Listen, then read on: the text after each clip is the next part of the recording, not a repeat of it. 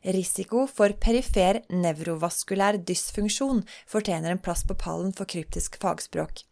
Muligens i fotofinish med risiko for autonom dysrefleksi.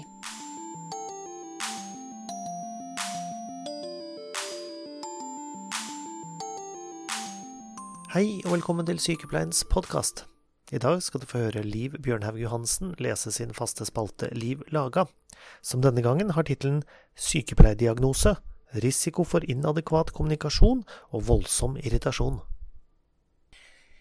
Rikke sitter foran PC-en på arbeidsrommet og forsøker å gi studenten sin en innføring i behandlingsplanenes kryptiske verden. Dersom noe i kroppen ikke virker, kan du velge ineffektiv vevsperfusjon, sier hun pedagogisk, og studenten nikker storøyd og noterer. Vi skal nemlig ikke skrive pasientens diagnose, men hva som er problemet. Pleieplanene vi lager, skal brukes av alle som jobber med pasienten. Sykepleiere, helsefagarbeidere, studenter og en og annen ufaglært assistent. Ut ifra den skal alle involverte kunne slutte hvilke problemer pasienten har, og hva vi skal gjøre med det. Da skulle man jo tro at det var et poeng å utvikle et system som var forholdsvis forståelig for de fleste.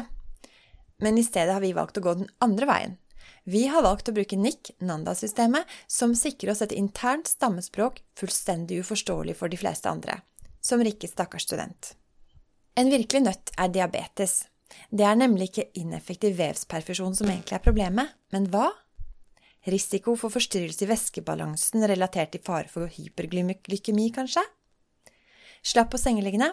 Gode, gamle nedsatt allmenntilstand er så klart ikke tilgjengelig, men hva med risiko for inaktivitetssyndrom, eller rett og slett aktivitetsintoleranse? Jeg syns også sykepleierdiagnosen risiko for perifer nevrovaskulær dysfunksjon fortjener en plass på pallen for kryptisk fagspråk, muligens i fotofinish med risiko for autonom dysrefleksi. Jeg har en engstelig pasient. Angst aksepterer faktisk Nanda, men han har ikke angst, han er engstelig. Kanskje med god grunn. Kanskje han eksempel akkurat har fått beskjed om at det skremmende epilepsianfallet kom inn for, kan skyldes en svulst i hjernen. Sånt kan man bli engstelig av. Men Nanda har ikke rom for sånt. Derimot finner jeg en rekke bisarre diagnoser som forstyrret energifelt, forsvarspreget mestring, svekket tilpasningsevne, eller hva med ineffektiv benektning?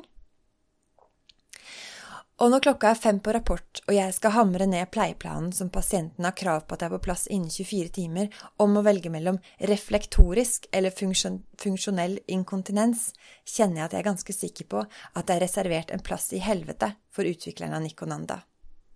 Der sitter de, til evig tid, skrubbsultne, på en fancy fransk restaurant med en meny så avansert at ingen av dem noensinne klarer å formulere en bestilling den smokingkledde servitøren er villig til å akseptere. Det var Liv Bjørnhaug Johansen med sin faste spalte Liv laga. Om du vil høre flere episoder av Sykepleiens podkast, så finner du alle sammen på sykepleien.no, på iTunes og på podbean.com. Om du bruker iTunes, så setter vi pris på en liten anmeldelse eller vurdering, og du kan også sende inn det du måtte ha av kommentarer og innspill til redaksjonen at sykepleien.no. Du når oss også via Sykepleiens Facebook-side eller vår Twitter-konto. Jeg heter Ingvald Bergsagel. Vi høres.